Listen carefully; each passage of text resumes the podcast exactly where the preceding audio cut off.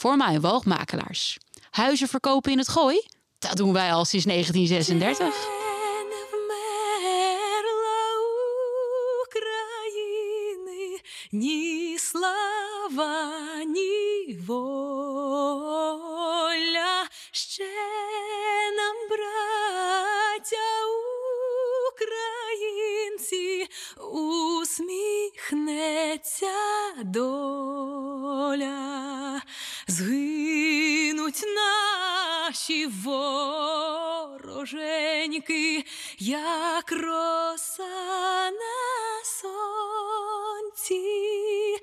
Запануєм ми, ми, браття, у своїй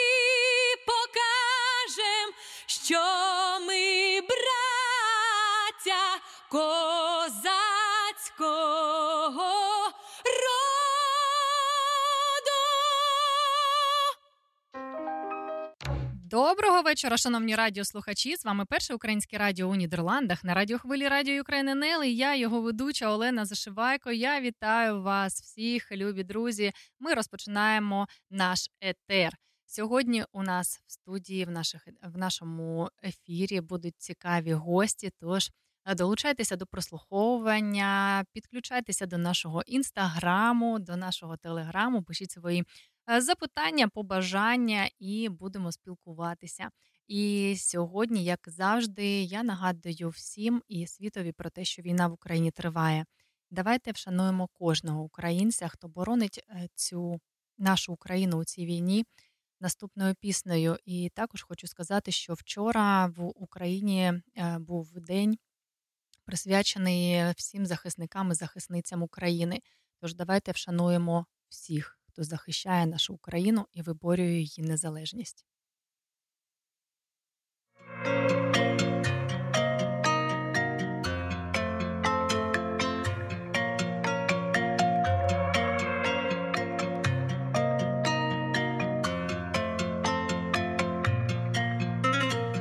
Вітер підіймав небо дим, вічна пам'ять тим, хто загинув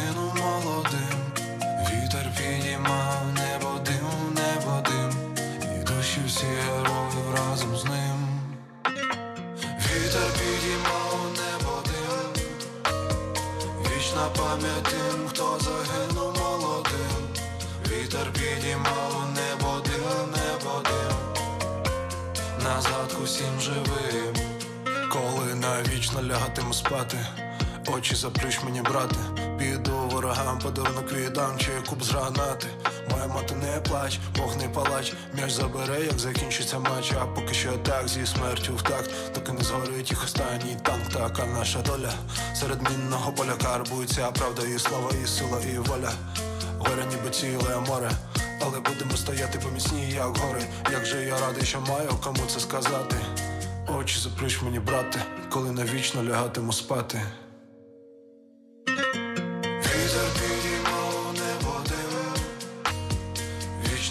Пам'ять тим, хто загинув молодим. Вітер підіймав небо дим, небо дим, і душі всі героїв разом з ним. Вітер підіймав небо дим. Вічна пам'ять тим, хто загинув молодим, вітер підіймав небо дим, небо дим, назад усім живим, вітер підіймав небо дим, вічна пам'ять тим, хто загинув молодим, вітер підіймав небо дим, небо дим, і душі всі героїв разом з ним. Вітер підіймав небо дим, вічна пам'ять тим, хто загинув молодим, вітер підіймав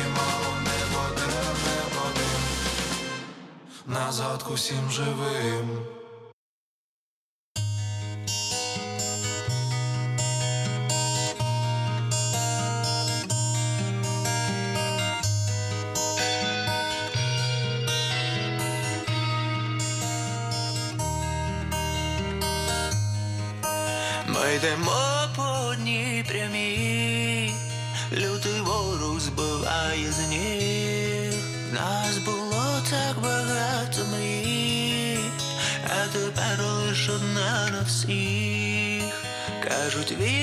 втямує біль, та не змете водою гріх, не зцілити і ран моїх, не загоєних разом з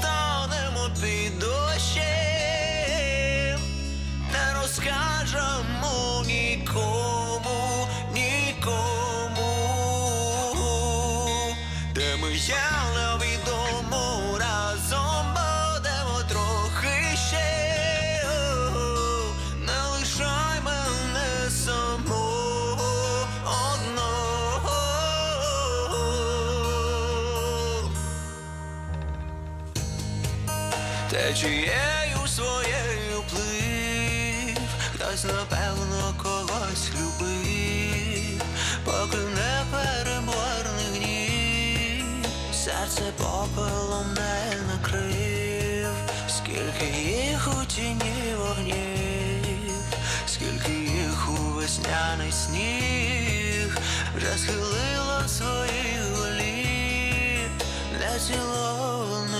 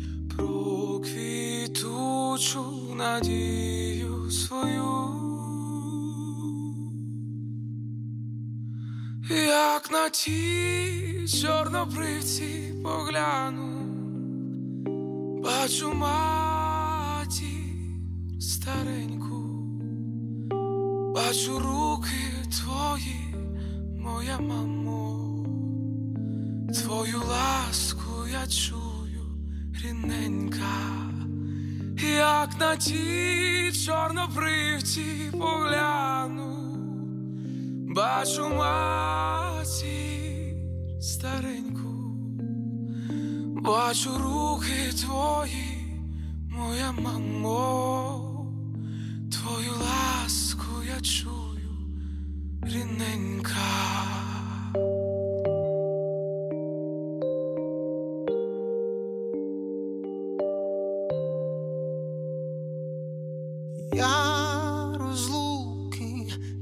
Зустрічі знаю, бачив я у чужій стороні, чорнобривці із рідного краю, що насіяла ти навесні.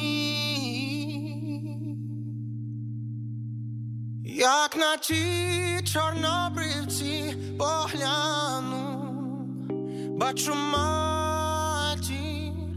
стареньку, бачу руки твої, моя мамо, твою ласку я чую, рідненька, як на ті чорнобривці погляну. Бачу матір стареньку, бачу руки твої, моя мамо, твою ласку я чую, рідненька.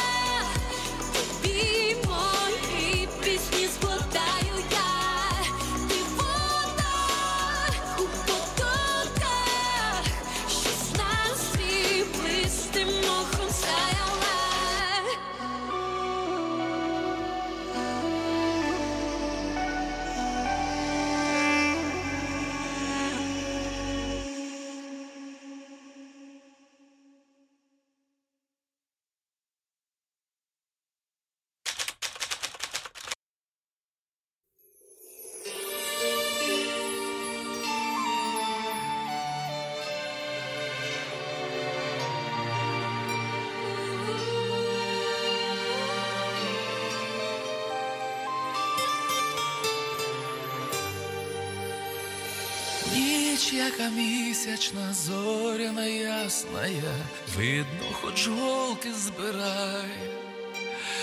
Вийди, кохана, я працею зморена, хоч на хвилиночку гай. Вийди, кохана, я працею зморена, хоч на хвилиночку гай.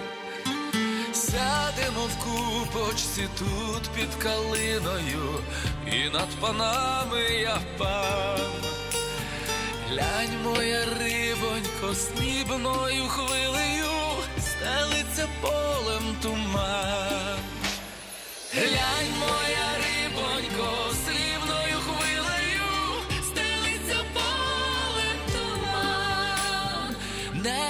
незміряне, всипане зорями, що то за Божа краса.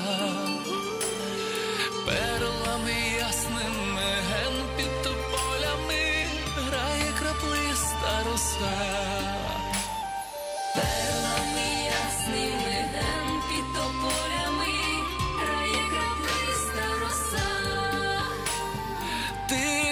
Лякайся, що ніженьки босі вмочиш в холодну росу. Я ж тебе вірна, я аж до хатиноньки сам на руках віднесу. Я ж тебе вірна, я аж до хатиноньки сам на руках віднесу. Ти не лякайся, що змерзнеш лебідонько, тепло ні вітру, ні хмар. Я пригорну тебе до свого серденька, а воно палка, мов жар. Я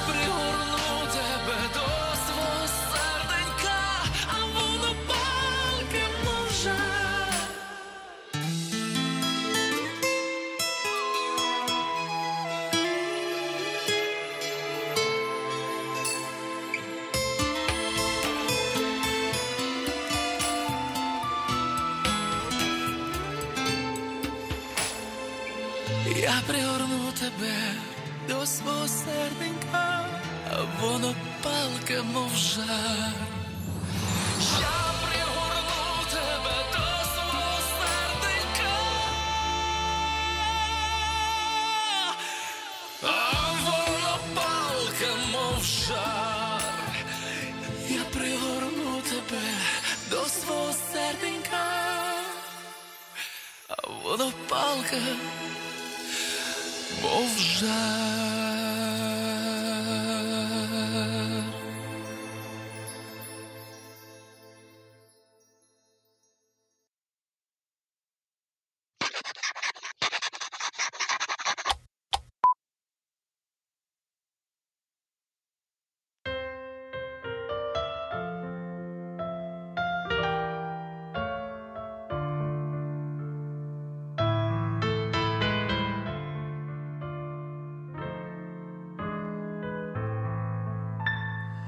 жар.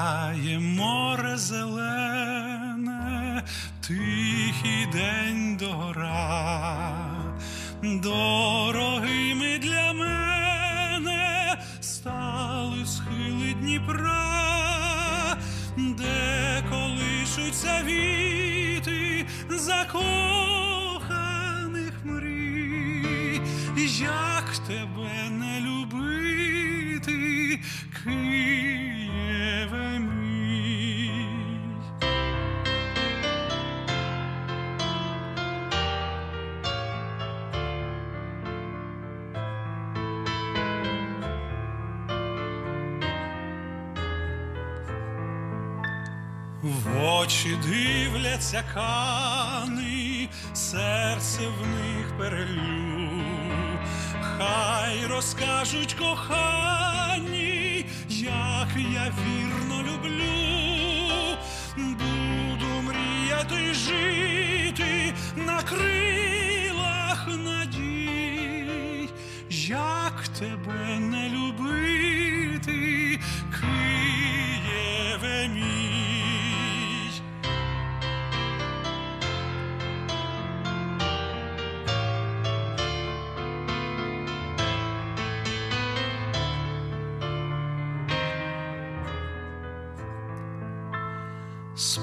натомлене місто мирним лагідним сном, ген вогні, як намисто, розсвіли над Дніпром, вечорів оксамиті, мов щастя прибіть, як тебе не любити,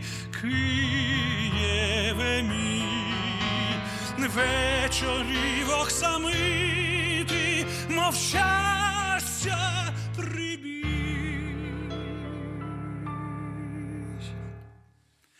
Як тебе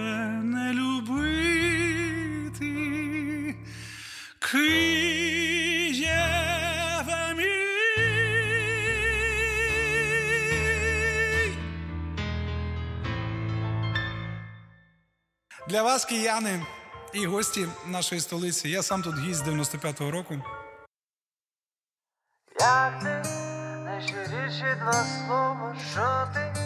Ми за крок до свободи знати, ти ще вже перемог, і завтра настало живе і здорове, як ти найщиріші два слова, що ти? Ми за крок до свободи знати, ти ще вже перемога. Як ти? Чути, як б'ється серце навпроти, ноти грають мелодію доти, доки я відчуваю твій дотик.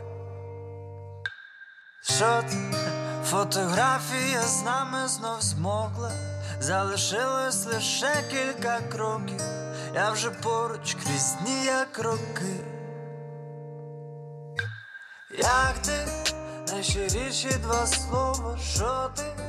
Ми за крок до свободи знати, ти ще вже перемог, і завтра настало живе і здорове, як ти, найщиріші два слова, що ти? Ми за крок до свободи знати, ти ще вже перемога.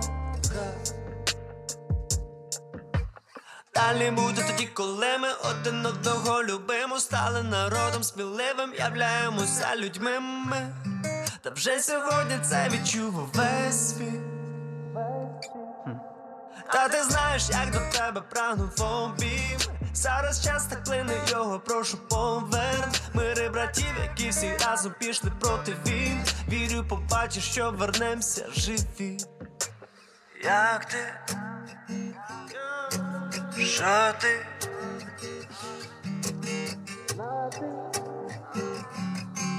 Що завтра настало живе і здорове, як ти?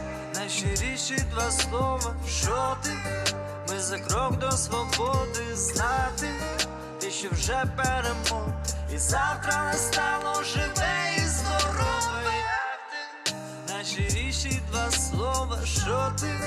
Ми за крок до свободи знати, ти що вже перемог.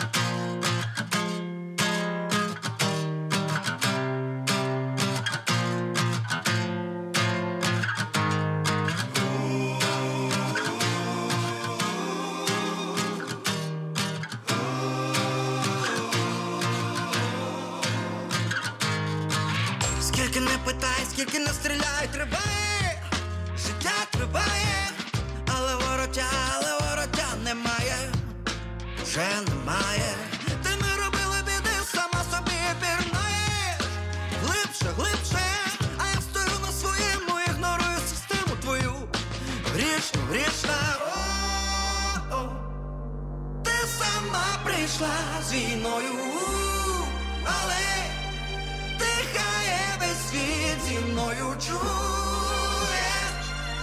Ти собі назад ціною, Ти мене хотіла, але зрозумів я. І на твоє ім'я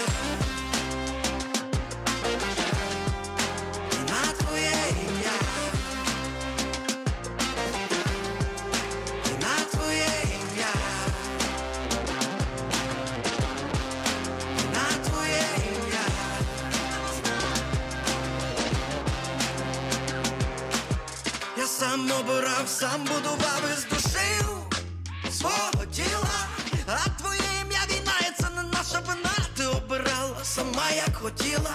Ти не робила біди, сама собі. Глибше, глибше. Друзі, ми знову в ефірі на радіо на радіостанції Радіо Україна НЛ і з нами на зв'язку наша гостя Ірина. Доброго вечора. Я вітаю вас в нашому ефірі. Розкажіть взагалі, як ваш день, і як ваш настрій? Ой, добрий, добрий вечір всім.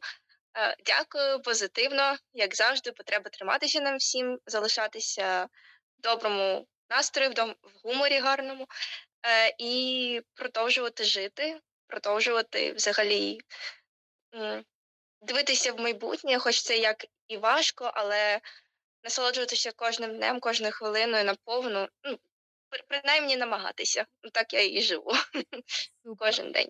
Супер. Розкажіть, будь ласка, про своє е, заняття. Чим займаєтеся у Нідерландах? Е, Я е, артистка балету в компанії United Ukrainian Ballet Company. Це об'єднаний український балет.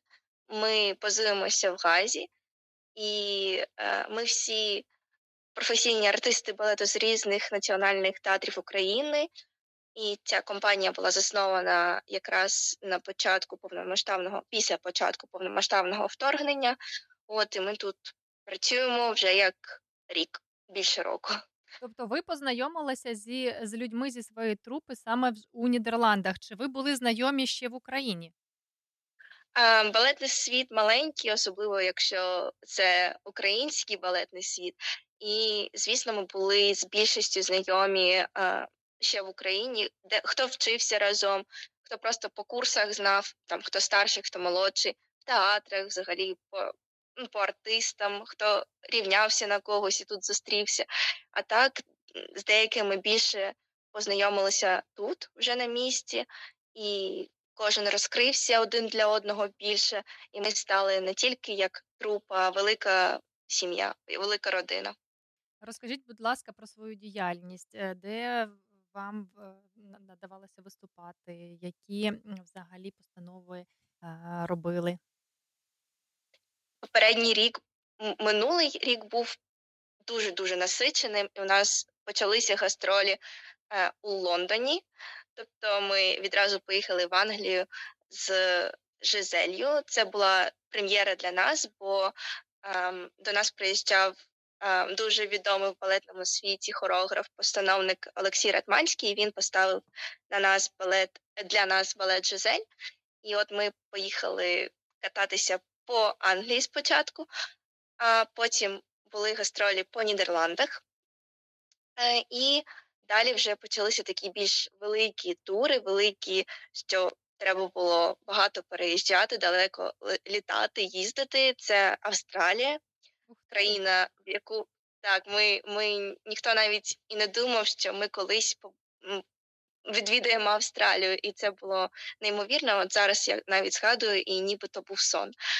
Потім ми були в Америці, були в е, Вашингтоні спочатку взимку, а влітку е, по Лос-Анджелесу. Були в одному місці, це Коста Меса, воно називається, але це недалеко від Лос-Анджелесу, навіть відвідали Голлівуд. Тобто, у нас, якби, якщо є гастролі, якщо є можливості, то у нас дуже цікава професія в тому плані, що ми можемо дійсно подивитися світ і такі визначні міста і місця. Також е, були в Копенгагені, це Данія, і ем, був тур до Тай- в Тайвань. Е, Також ще Тобто одне графік у вас А, дуже щільний. Ну, о, минулого року так. Але при тому, якщо порахувати по виставах, то звісно, якщо брати стандартний стаціонарний театр, то можна сказати, що ми не добрали по максимуму вистав, який міг би бути в стаціонарному театрі, бо це, звісно, не театр, і це набагато важче. Ну, ви знаєте, е, я розумію, що хочеться завжди більше, краще, е, щільніше і, і тому подібне, але е, треба і розуміти, що незважаючи на ті обставини, які зараз склалися е, у житті кожного учасника вашої трупи, ви робите величезну роботу. Ви показуєте українську культуру, ви показуєте українську єдність по всьому світові. Ви їздите, е, ви ж розповідаєте про Україну. Я правильно розумію? Так, тому і хочеться більше. От тому, що в нас мета популяризувати українське мистецтво, показати, які ми, хто ми. Бо зазвичай майже ніхто не чув про не чув про український балет, от класичний балет. Ми не тільки ми спеціалізуємо по класиці, але ми виконуємо і сучасний, і модерн, і е, народний. Якраз по завершенню багатьох гала та вистав ми виконуємо гопак український національний танець, душу України. От. І тому дійсно, чим більше у нас можливостей, тим більше у нас можливості розказати про Україну не тільки в інтерв'ю, не тільки словами. Ми ж розмовляємо серцем, душею та рухами. Ми розповідаємо е, якби мовчки, але при тому все зрозуміло. Е, Поділіться, будь ласка, своїми планами на майбутнє. Чи плануєте у Нідерландах, можливо, е, якісь е, балетні вистави робити? Найближчим часом взагалі, маю на увазі. Взагалі, через те, що в нас був так було таке велике піднесення в тому році, всі були зацікавлені ем, допомагати українським біженцям, українцям взагалі. Зараз це трохи пішло на спад, навіть не трохи, і я думаю, це всі відчули в усіх сферах. І у нас виникли труднощі з якраз можливостями, де виступати нашим нашою трупою. І зараз ми намагаємося максимально знаходити, питати, дивитися, де є можливості для нас виступити, і як ми можемо набрати репертуар більше. Тобто, чим більше ми виступаємо, чим більше ми працюємо, тим якби більше є можливостей нам щось нове творити, щось нове ставити. Якщо брати тільки мене, то мені важко щось сказати на майбутнє, бо я взагалі хотіла працювати в Україні. Я і працювала в Україні, але я зрозуміла, що якщо я приєднаюся до United Ukrainian Ballet Company, то я буду більш корисна в допомозі Україні, і взагалі я відчувала, що мені сюди потрібно, що мені потрібно долучитися до цього проекту. І от зараз я не хочу втратити можливість зробити те, що в мене в задумках, що у нас в задумках, бо ми тут вільні творити. Тобто ар- артисти вони можуть бути і постановниками, і менеджерами. Тобто ми можемо робити все, що завгодно, все, що ми хочемо. Головне, якби звісно, це знаходити кошти і людей, які підтримують. То Тому любі, так, ми наші слухачі, якщо у вас є така можливість, запрошуйте, запрошуйте український балет е, до себе Україну, до себе у місто. Е, будете насолоджуватися дивовижними, е, дивовижним гопаком і не тільки, так? Так. Супер. А розкажіть, будь ласка, скільки взагалі людей е, з вами співпрацює? Загалом, з початку е, цього проекту було близько 60 людей, тобто це як стандартна трупа театру, тобто це кількість достатня.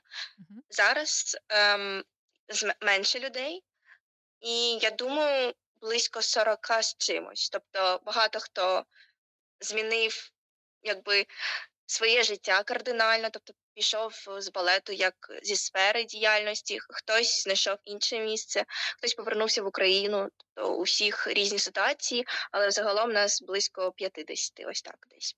Тобто у вас є і вакантні місця. Якщо є хтось із е, цього напрямку, то можна до, з вами до вас звертатися і приходити на кастинги. Е, звісно, але е, у нас тільки трупа з українців, тобто це в основному стосується українців, бо ми е, залучали допомогу якби іноземних е, танцівників тільки тоді, коли в нас вже була вистава в репертуарі, і не вистачало, наприклад, однієї двох дівчат або хлопця, і тоді запрошувалися. Але е, наразі через те, що в нас криза невелика в компанії, ну можна сказати, не те ну, не невелика, а нормальна така криза, то я не знаю, чи радила би я до нас приходити, бо можливо є якісь більш ліпші пропозиції для людини, бо вона Е, Бо ми пройшли рік, і ми вже знаємо все, що тут трапилося, все, що було, все, що є від А до Я. А людині новій може бути якось незвично і незручно. Але я думаю, що е, дійсно той, хто потребує допомоги, у нас є студія, зал, де займатися. Якщо ви ми зареєстровані всі як біженці, тобто ми живемо на локації, де є студія, і ну, якщо, не дай Боже, хтось втратив домівку, окуповану територію, то звісно приймаємо з відкритими обіймами, допомагаємо. Якщо нема одягу, одягаємо все, що можемо, все робимо. Тому допом- допоможемо будь- будь-кому. Е, Я у будь-якому випадку я бажаю вам успіху, і я бажаю просто шаленого щільного графіку виступів, е, багато країн, щоб про український балет знали у всьому світі. При- Тим паче, ви це все робите для того, щоб е, світ дізнався про українців. І е, як завжди, вже по традиції, після е, нашого інтерв'ю я прошу е, наших гостей побажати щось українцям від себе. Звісно, я бажаю українцям продовжувати вірити в себе, продовжувати вірити і не тримайте емоції погані в собі, випльоскуйте їх, бо їх за- зараз дуже важке життя для кожного, просто для кожного. І ну, навіть порівнюючи у кого що гірше, всім, всім важко. Не тримайте в собі емоції, танцюйте, кричіть, але не здавайтеся, продовжуйте жити, продовжуйте, все у вас вийде. Ви сміливі, ви найліпші. Ми всі, ми всі просто не розуміємо, наскільки ми неймовірна нація, наскільки ми єдині, наскільки ми е, витривалі. І я просто хочу, щоб ви кожен пишалися собою і не зупинялися. Просто не зупинялися, бо кожна крихітка того, що ви допомагаєте, що ви щось кажете, що ви підтримуєте когось, це варто. Ну, це може дійсно комусь врятувати життя. І врятувати не тільки в прямому сенсі, а й в моральному. Людині просто захочеться діяти далі, продовжувати. Я вас я безмежно пишаюся свої, своєю нацією, своїм народом, пишаюся бути українкою і хочу, щоб ви пишалися собою теж. Люблю вас, люблю українців. Супер, е, дякую вам. Дякую вам за побажання. У мене аж е, сльози наворачуються. Ви знаєте, я е, на минулому тижні спілкувалася з нідерландцями, і ми давно вже там не були, е, не було у нас е, зустрічі. І е, вони питали, як там у вас взагалі справи? Ну, Це була моя сім'я, у котрій я жила цілий рік. І до них прийшли е, друзі сина, і вони ж такі всі тінейджери, е, веселі, молоді, і почали питати про спорт. І я кажу: ви знаєте, українці взагалі дуже от про те, що ви кажете, взагалі українці взагалі дуже витривалі. Ви тільки подивіться, які рекорди встановлюють українці. Ви тільки подивіться, е, які вистави роблять українці, які фільми, які театри, які балети які діти талановиті, і це дійсно правда. І світ побачив, наскільки українці унікальна нація. Тож е, я бажаю вам успіху. Я впевнена, що у вас буде все добре. що ви е, будете не е, кожен рік, кожен місяць йти тільки вперед, розвиватися і е, популяризувати українську культуру у світі. Тож обіймаю вас, будемо на зв'язку, буду слідкувати за вашим успіхом. Всього гарного, доброго вечора. Дякую, дякую. Слава Україні! Героям слава! Доброго вечора. Гарного вечора.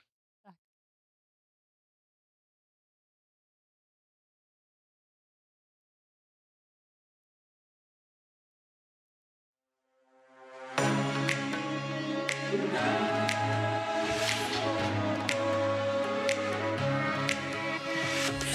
де земля красива, там мого роду сила, де мамо я щаслива, там мій дім, там я мала зростала, цвіт в коси заплітала і щастям вишивала рідним всім.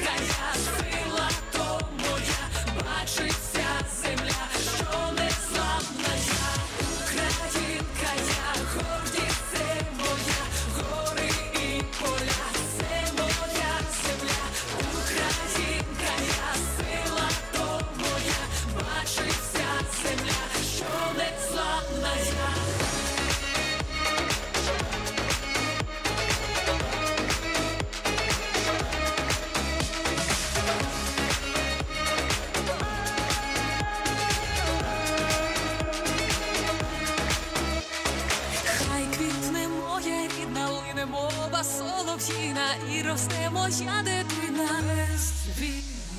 Я донька України, тут люди всі єдині. Разом ми духом сильні. На піки.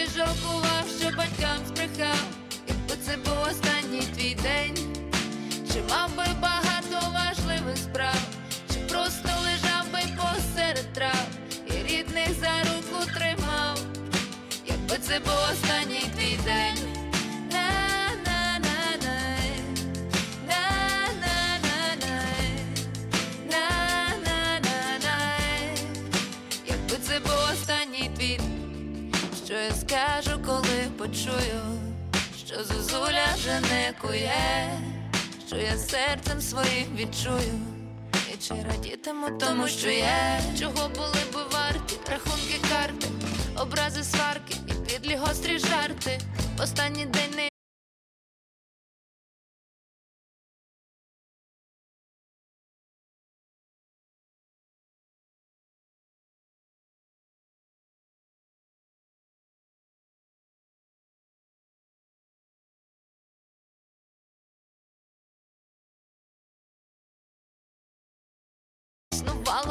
матеріальне, встигнути би поцілувати коханого у спальні, відвідати батьків, сказати пару слів, послухати птахів, звернути увагу на спів, поцілувати сина, подякувати Богу за все побачене, за пройдену дорогу.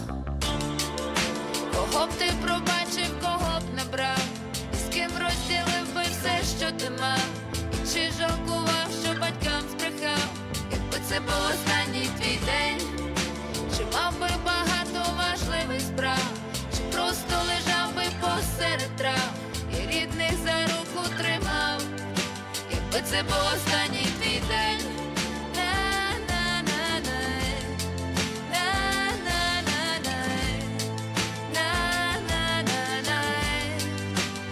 Це був останній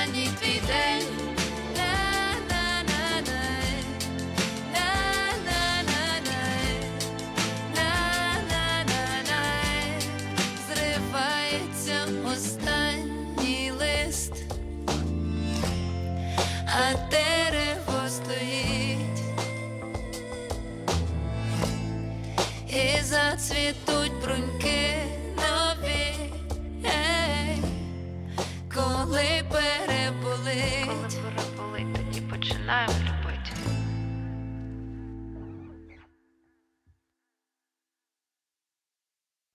Маленька я сказала б собі дорослі, не припиняй вірити у дива, ніколи літо, ніколи осінь. Доросла я сказала б собі маленький, в світі багато, багато зла, не втрать своє світло руденьке. І на повторі знову ті ж самі слова. І коли я доросла, і коли була мала,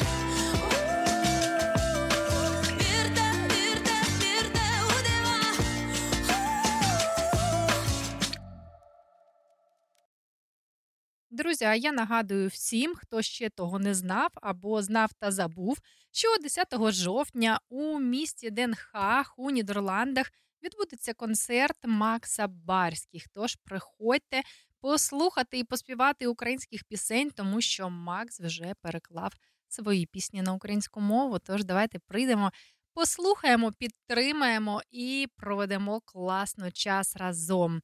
І нагадую, що квитки ви можете придбати на сайті M-Ticket або Перша концертна агенція України.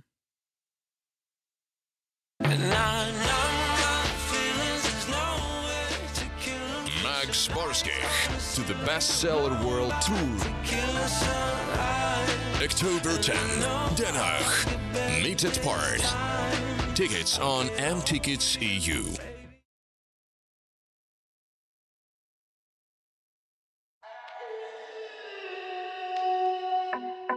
Ти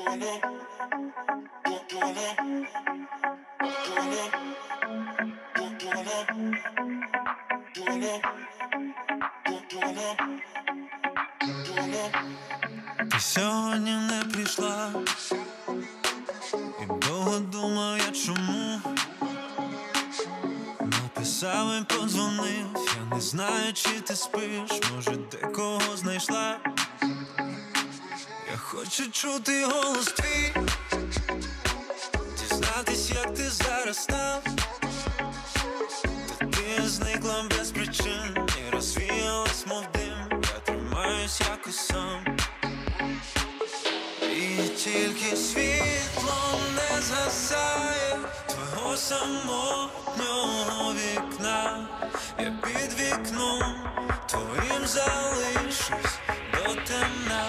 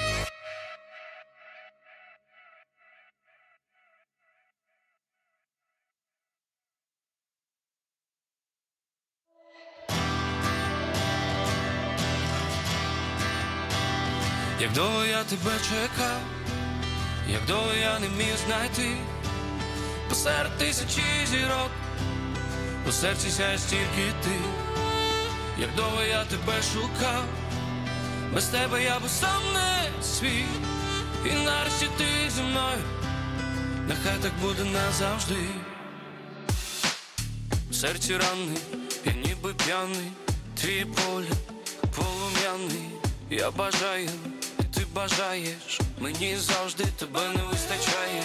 Пориви вітру ведуть нас кудись удаль Твої очі немов чарівний кристаль Автостради, дороги, нічна магістраль до Парижу, а там на тобі буває Як довго я тебе чекав, як довго я не міг знайти?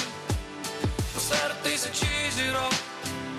У серці сяє стільки ти, як довго я тебе шукав, без тебе я би сам не свій, і нарешті ти зі мною, нехай так буде назавжди.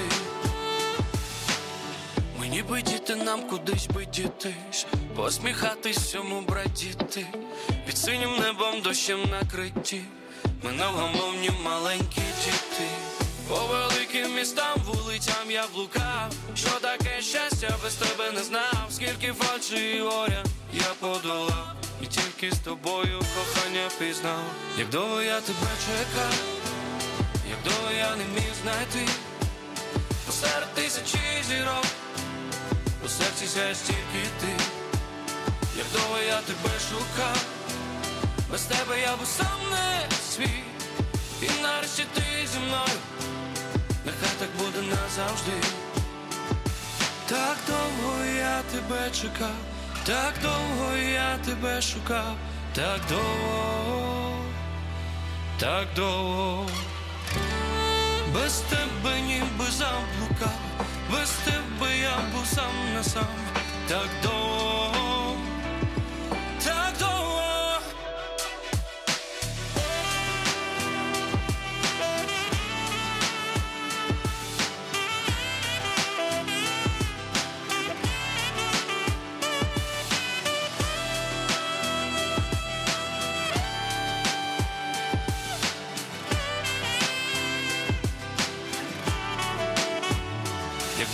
тебе чекав, як довго я не міг знайти посеред тисячі зірок, у серці сяє стільки ти, як довго я тебе шукав, без тебе я би сам не свій, і нарешті ти зі мною, нехай так буде назавжди,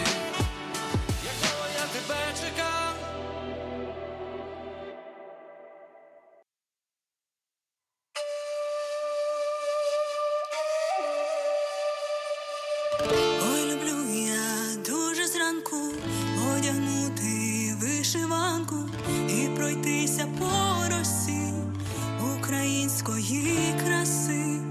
На світанок я погляну, і дівоче серце в'яне, сонце промені так світять, не знайти таке у світі, де б я не була,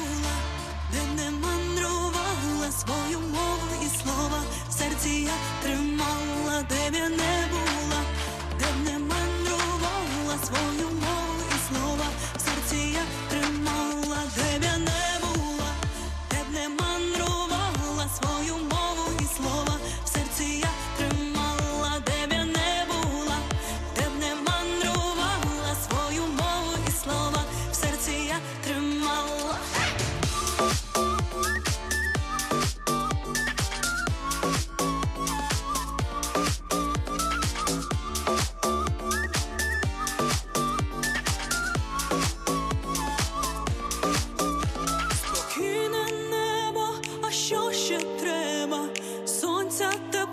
щоб мирно було, світла дорога без мелодій, тривоги, милий спів солов'яна, країна моя, де б я не була, де б не мандрувала свою мову і слова в серці я тримала.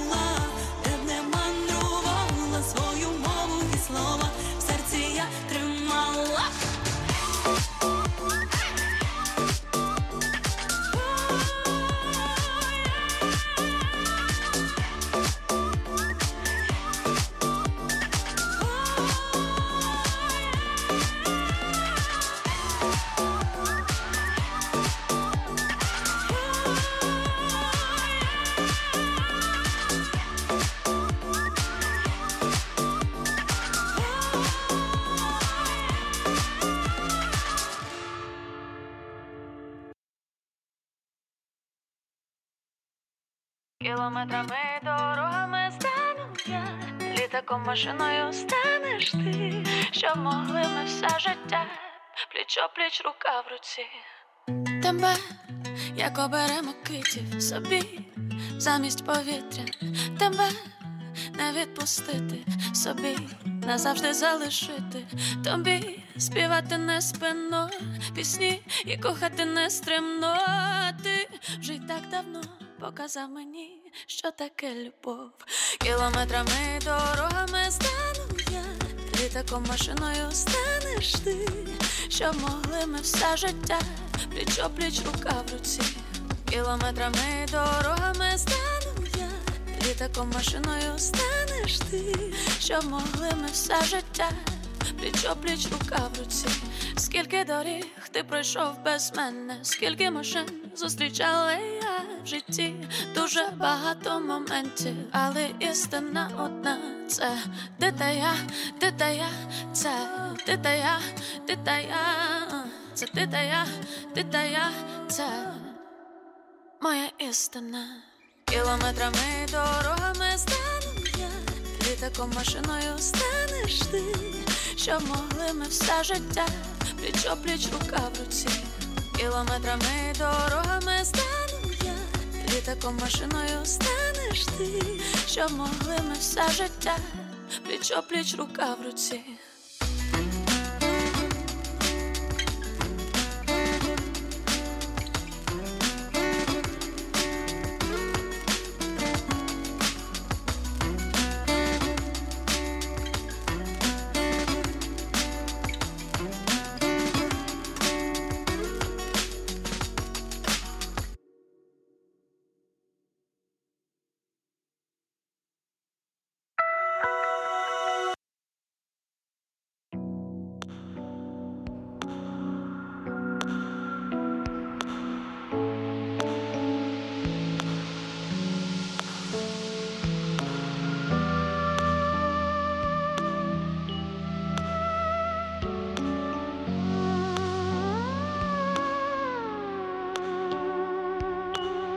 Я сьогодні в тирі був, там нас стріляли, я про тебе згадував.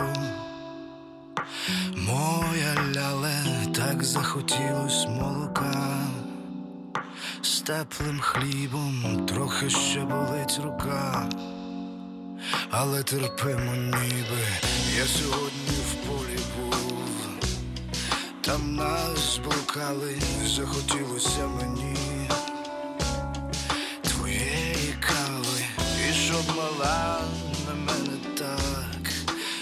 з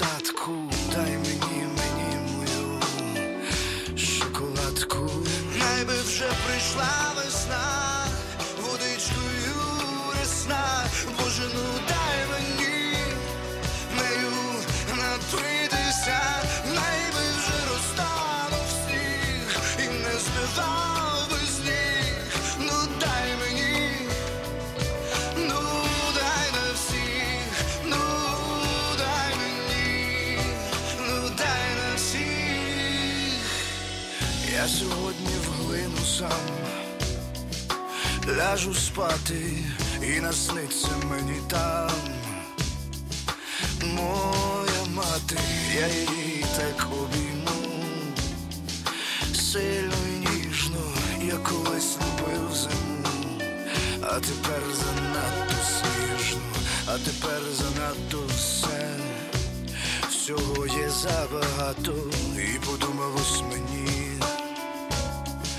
А як там тату, я би татка привернув, скурив би з ним цигарку, Тату би мені наляв гіркої чарку. Найби вже прийшла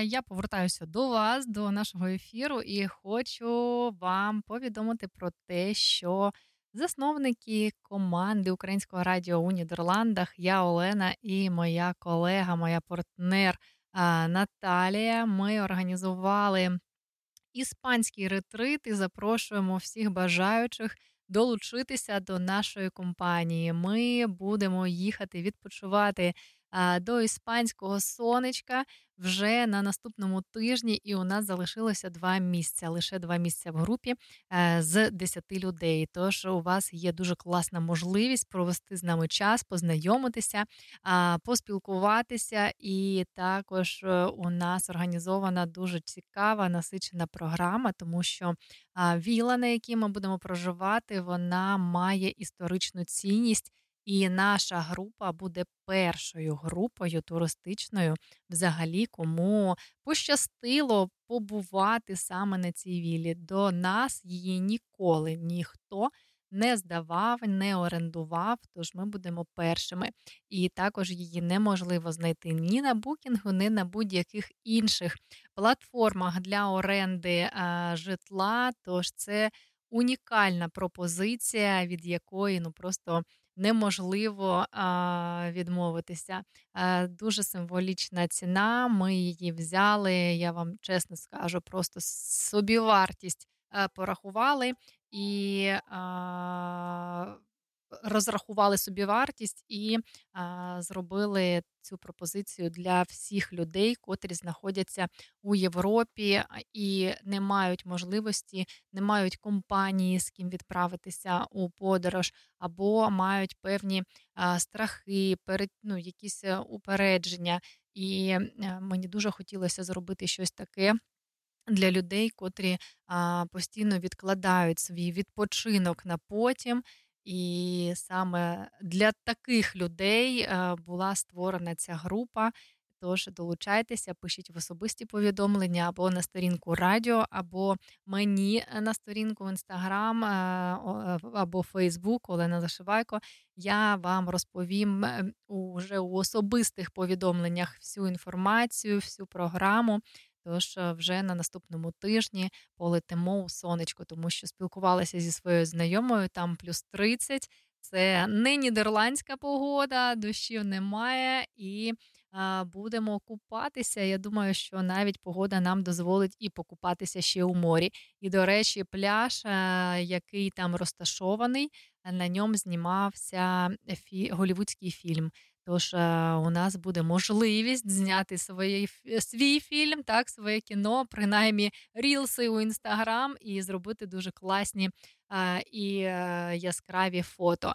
Пишіть в особисті, буду з радістю вас вітати у нашій групі, у нашій подорожі.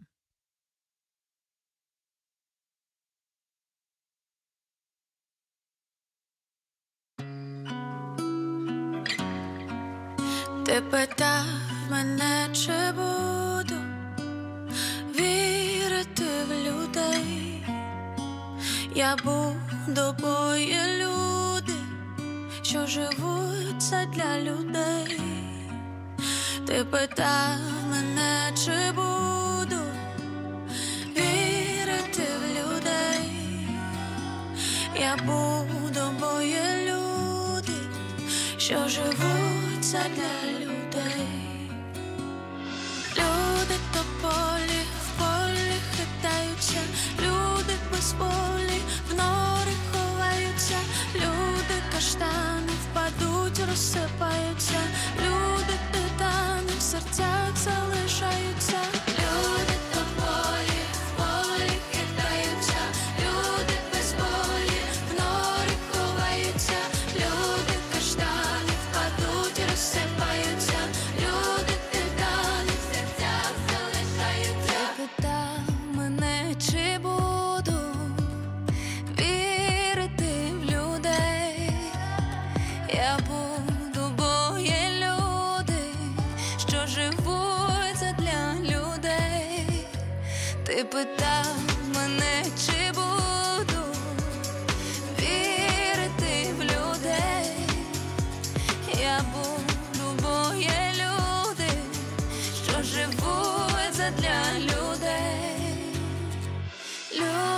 зорі світять і падають, люди мозолі про себе нагадують, люди без долі блукають і маються, люди герої в серцях залишаються,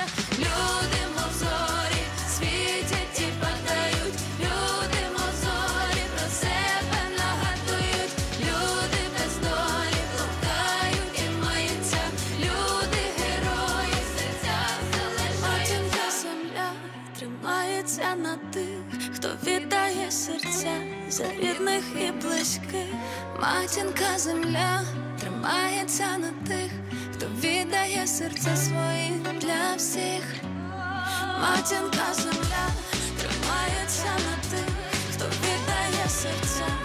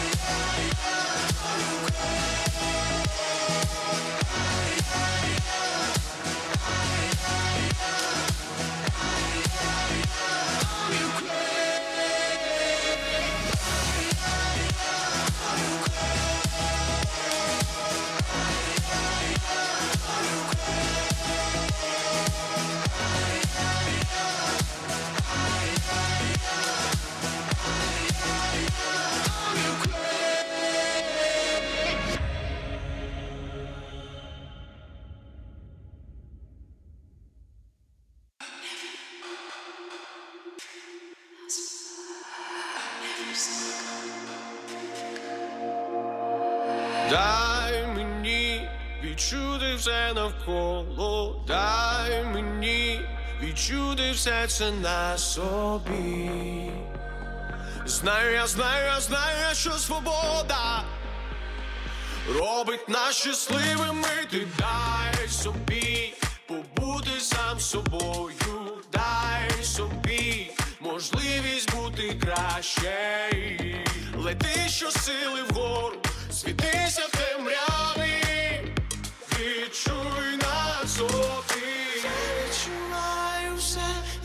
відчуваю, і неважливо де, я завжди літаю і знаю, куди я йду, бо сам того хочу і я відчуваю все, я відчуваю, і неважливо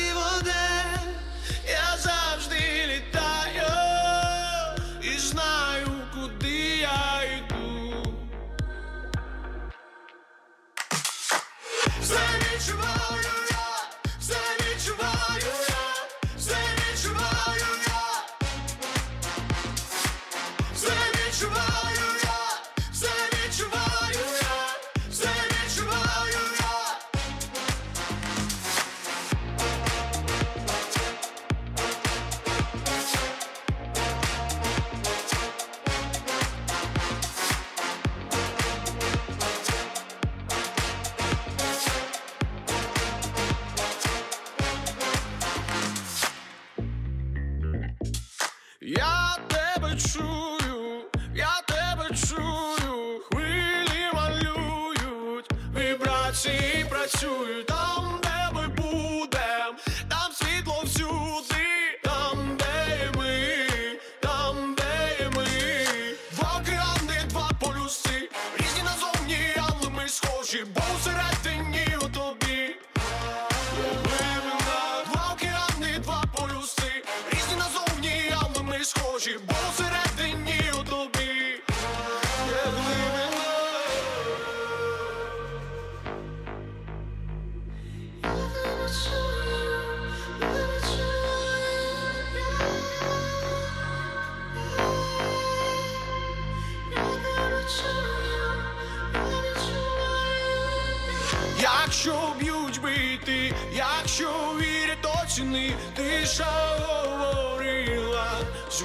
самоті, якщо б'ють бити, якщо вірять оціни і заговори.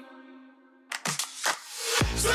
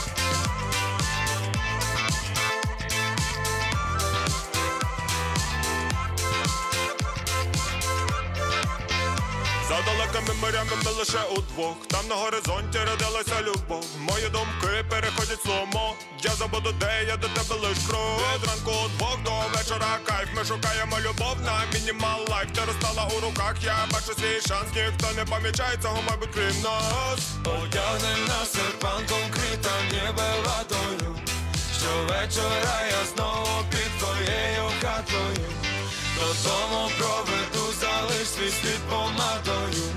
Ти серцем напиши, ритмами листи.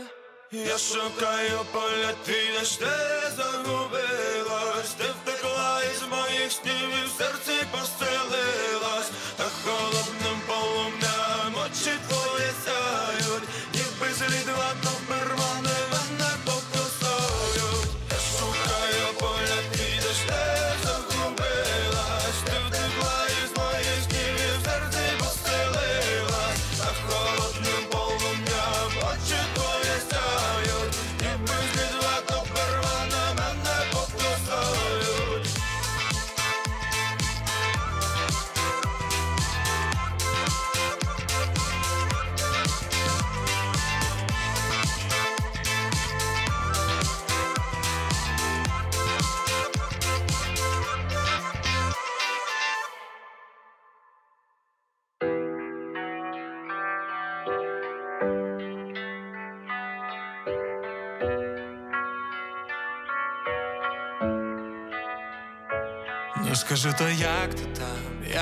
Там, чи не згадуєш по ночам? Ну скажи то, як ти там, як ти там, між кордонами? Ну скажи то, як ти там, як ти там, чи не згадуєш по ночам?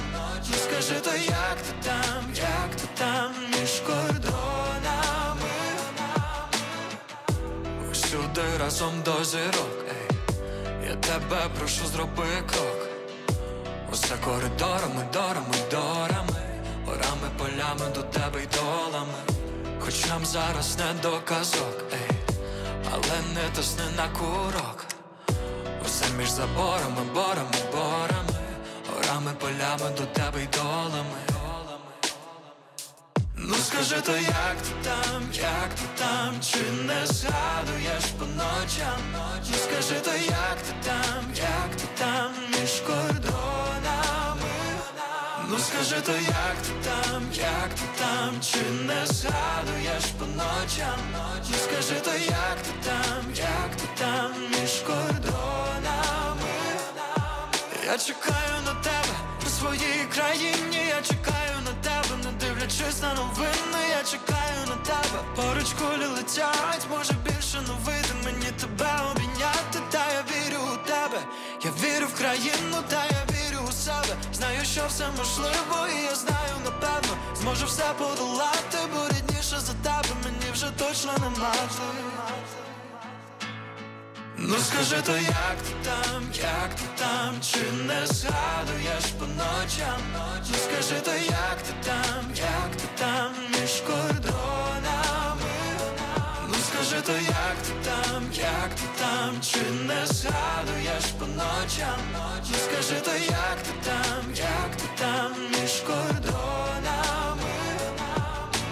Як ти там, як ти там, чи не згадуєш по ночам? Як ти там, як ти там, між кордонами? Ну скажи то, як ти там, як ти там, чи не згадуєш по ночам? Ну скажи то, як ти там, як ти там, між кордонами?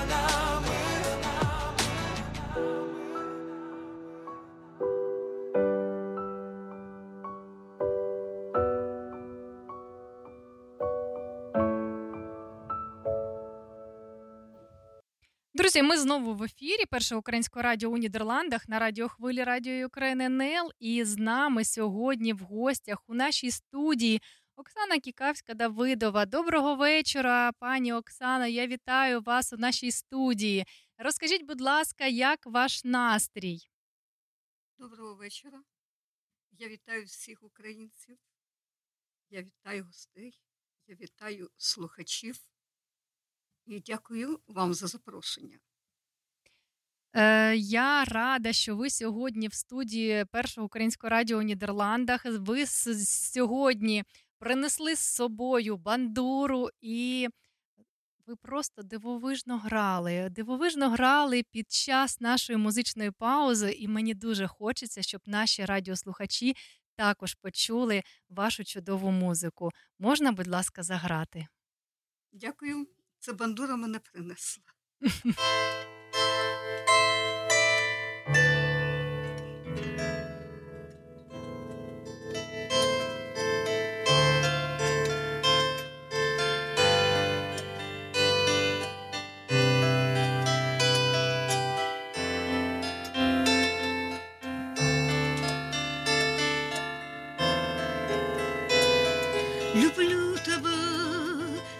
серцем Боже, як людське серце полюбити може. Люблю тебе і до остатку, не дай прожити у біді. Люблю тебе, великий Боже, як людське серце полюбити може. Ти світлий день і досі дорога, і та дорога, що веде до Бога.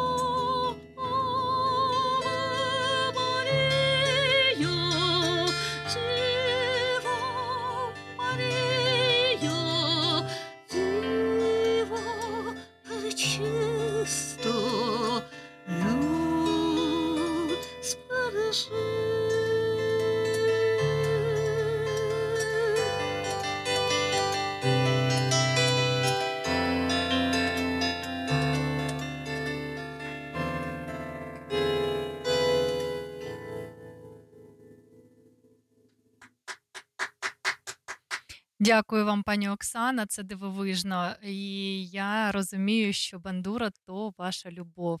Розкажіть, будь ласка, як довго ви вже граєте? І е, я так вважаю, я відчуваю, що це, це, е, це ваше життя, так? Ви відповіли? Дякую. Так, це все моє життя. Бандура, музика супроводжує мене. Сама я за фахом викладач. Е, я багато імпровізую, граю, імпровізувала, грала не тільки на бандурі, але й на фортепіано. Я в основному приходить натхнення і приходить мелодія. Я нею живу. Я живу музикою. Я живу любов'ю до людей, до України. Я зараз хочу вам представити на ваш розгляд, на ваш суд е, пісню прем'єру, яку, яку я написала в Нідерландах. Але вона присла- присвячена нашій Україні. Давайте послухаємо. Дякую.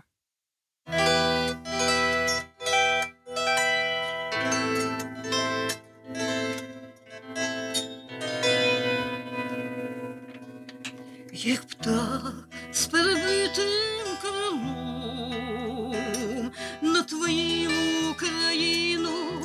Дніпром задивився, зажурився, нахилився. Синочки мої соколята, у небі вас так багато. Ви тихо землею кружляєте, щастя у долі благаєте. Я до тебе з вітром де тополі шепчуть вечорами, де місяць сходить і зорі сяють, весь світ озоряють, синочки мої соколята,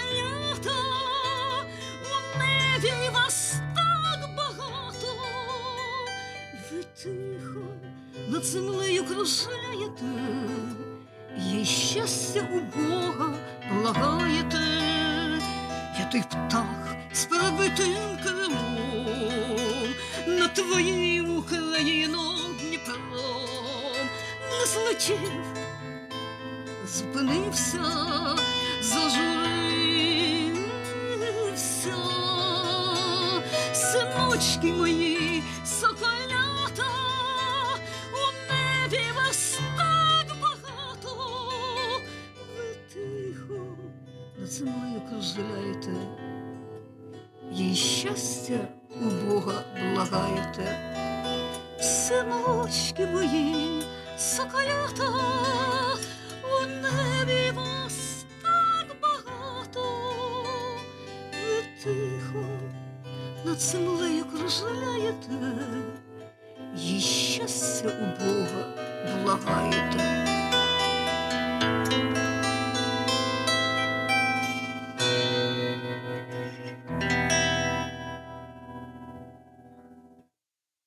Дякую, до мурах.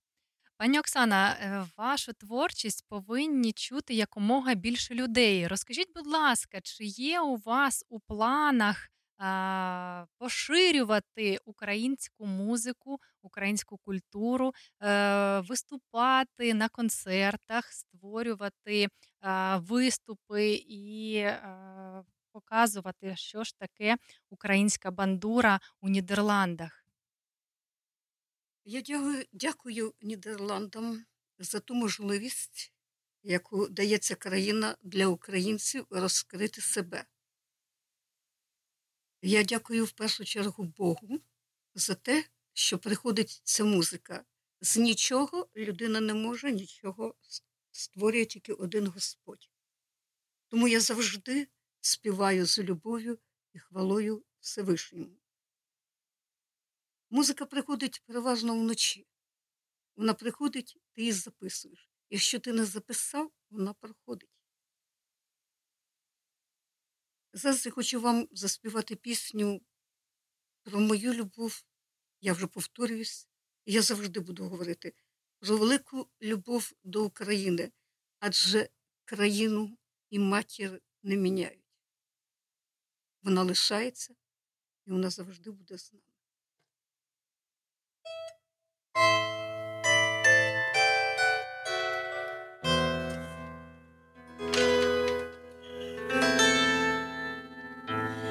Моя Україна,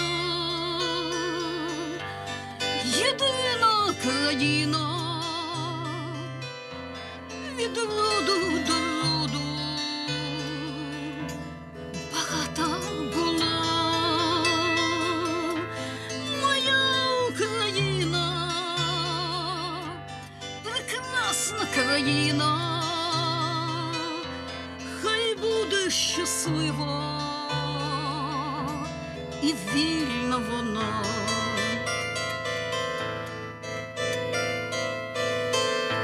Від села й до села стежка вдаль пролягла, в нас велика родина, щаслива сім'я, від хати до хати будемо жити багато. Від села й до села. Це ж країна моя, від хати до хати,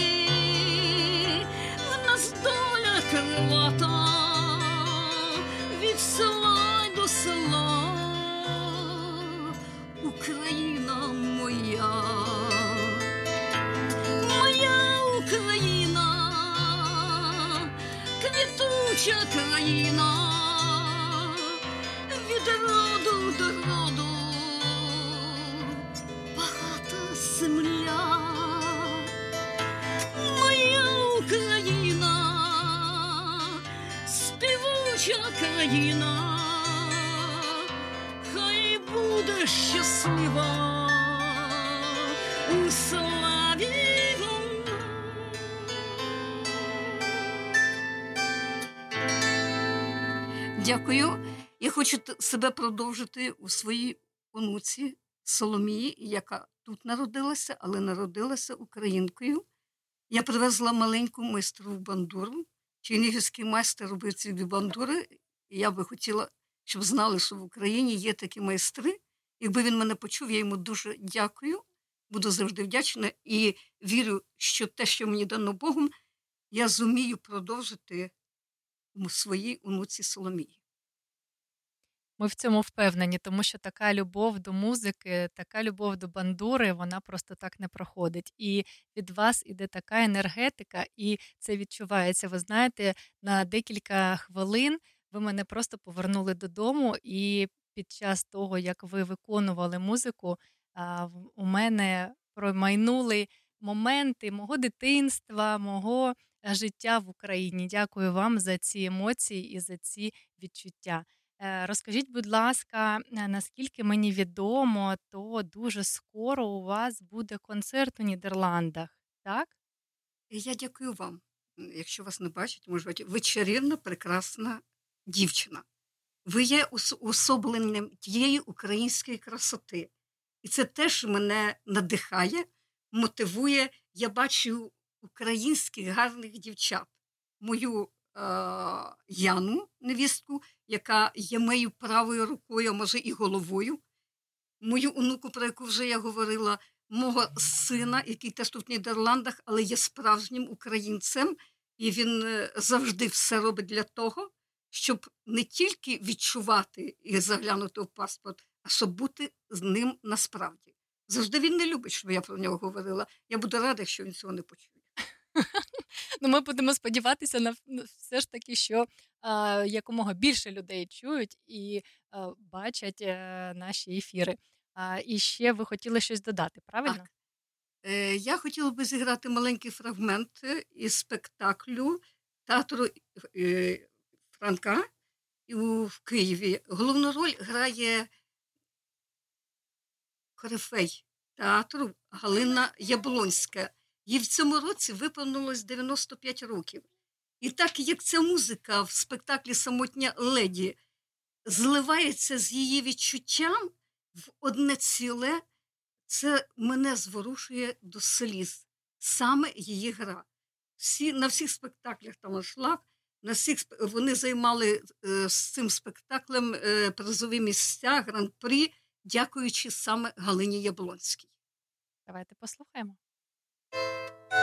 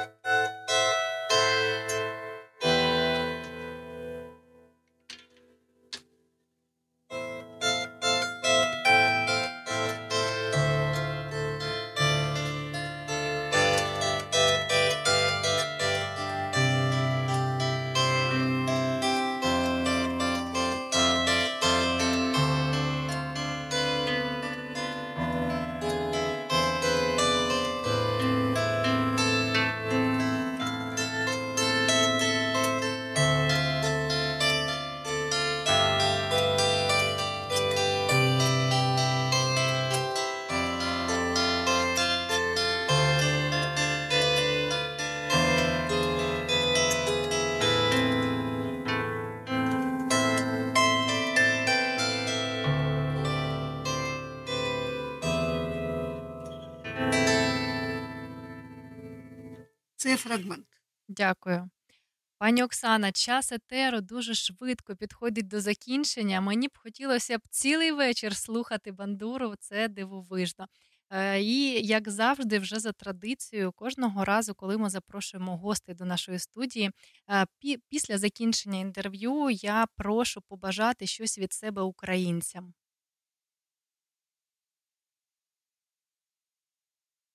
Волі, долі і свободи. Дякую. Дякую вам за вашу творчість, за вашу музику, за ваш талант, за те, що сьогодні ви прийшли до нас поділитися своєю музикою. І я дуже сподіваюся, що наші радіослухачі були також захоплюючи, слухали цю музику, як і я. І ще раз дякую вам, дякуючи таким українцям, які допомагають саме українцям реалізувати свою музику, саме говорити на весь світ, що ми українці, ми українці, які люблять всіх українців і не тільки українців. Ми любимо всіх, хто любить нас. Ми велика нація, ми справжній народ. І ще раз дякую.